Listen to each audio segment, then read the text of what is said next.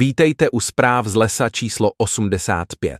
Audioverze mého newsletteru je taková nouzovka, určitě doporučuji spíše číst, vzhledem k velkému množství odkazů, fotografií, videí a podobně. Podcast namlouvá umělá inteligence, tak se omlouvám za případné nedostatky, pořád to v Matrixu trochu laděj.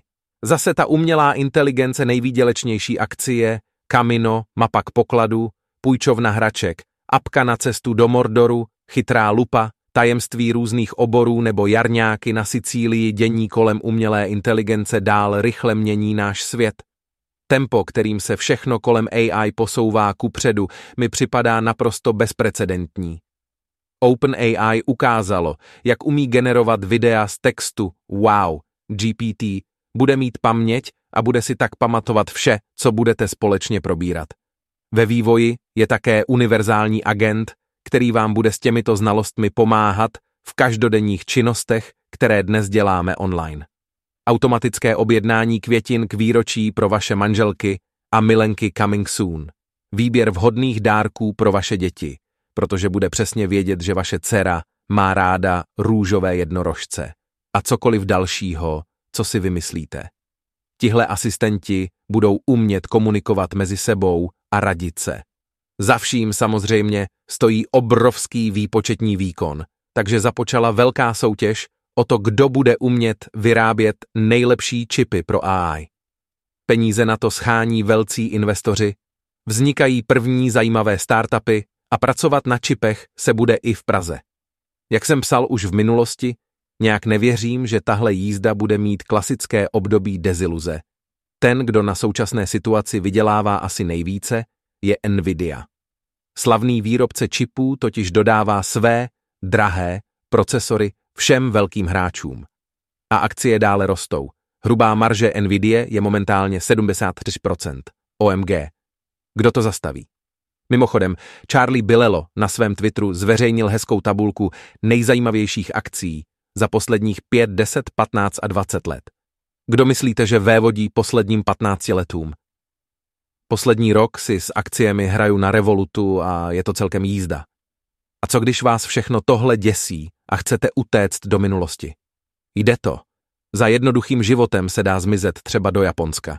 Na Redditu se rozjela diskuze, kde odborníci z různých oblastí odpovídají na otázku, jaké průmyslové tajemství znáte a většina lidí ne. Extra zajímavé čtení. Vůdy, buzy raketáku. Tohle by se vám mohlo líbit. Věčný problém s odloženými hračkami má řešení. Existují totiž půjčovny hraček. Levné, udržitelné. Když už jsme u hraček, tahle chytrá lupa s rozšířenou realitou pro děti nevypadá úplně blbě. Představte si, že žijete ve vesnici, kam půl roku nesvítí sluníčko, míro díky za tip. Co s tím? Postavíte zrcadlo, které vám trochu toho světla přesměruje z protějšího kopce a nálada ve městě je najednou lepší. Slunce v duši. Máte na léto v plánu nějaký pěkný výlet? Namotivujte se třeba na kamino. Nizozemský národní archiv každý rok zveřejňuje nové zdigitalizované dokumenty ze svých sbírek. Letos je mezi nimi i mapa pokladu z druhé světové války. Co zveřejnění takové mapy vyvolalo, můžete hádat. Electricity Maps – Zajímavý projekt, který v reálném čase zobrazuje výrobu elektrické energie a jak moc je čistá. Některá místa vás možná překvapí.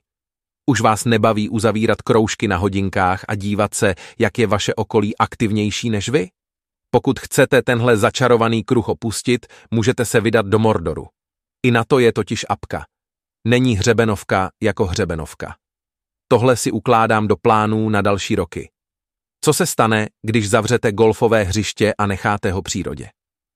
Vznikne celkem pěkný park. Jeden z vývojářů OpenAI se nechal slyšet, že když budete při komunikaci s ChatGPT používat smajlíky a budete na něj milí, dá vám o 1-2% lepší výsledky. Rozčilování a nadávání funguje také, ale já bych to tedy neriskoval. Člověk nikdy neví, co si stroj zapamatuje a kdy vám to vrátí. Vyrazili jsme na jarní prázdniny na Sicílii.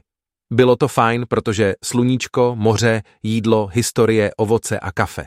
Díky moc za poslech a zase za dva týdny